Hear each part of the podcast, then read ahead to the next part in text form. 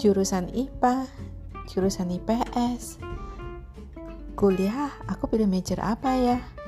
Data science atau digital marketing yang lagi in sekarang?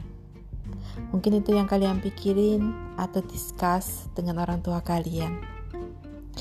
Um, jadi podcast ini tentang edukasi, tapi lebih ke penjurusan dan yang pastinya jurusan apa sih yang bisa menunjang karir kalian yang akan datang?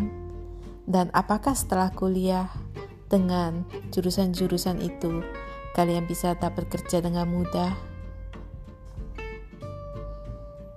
Pengen tahu lebih lanjut?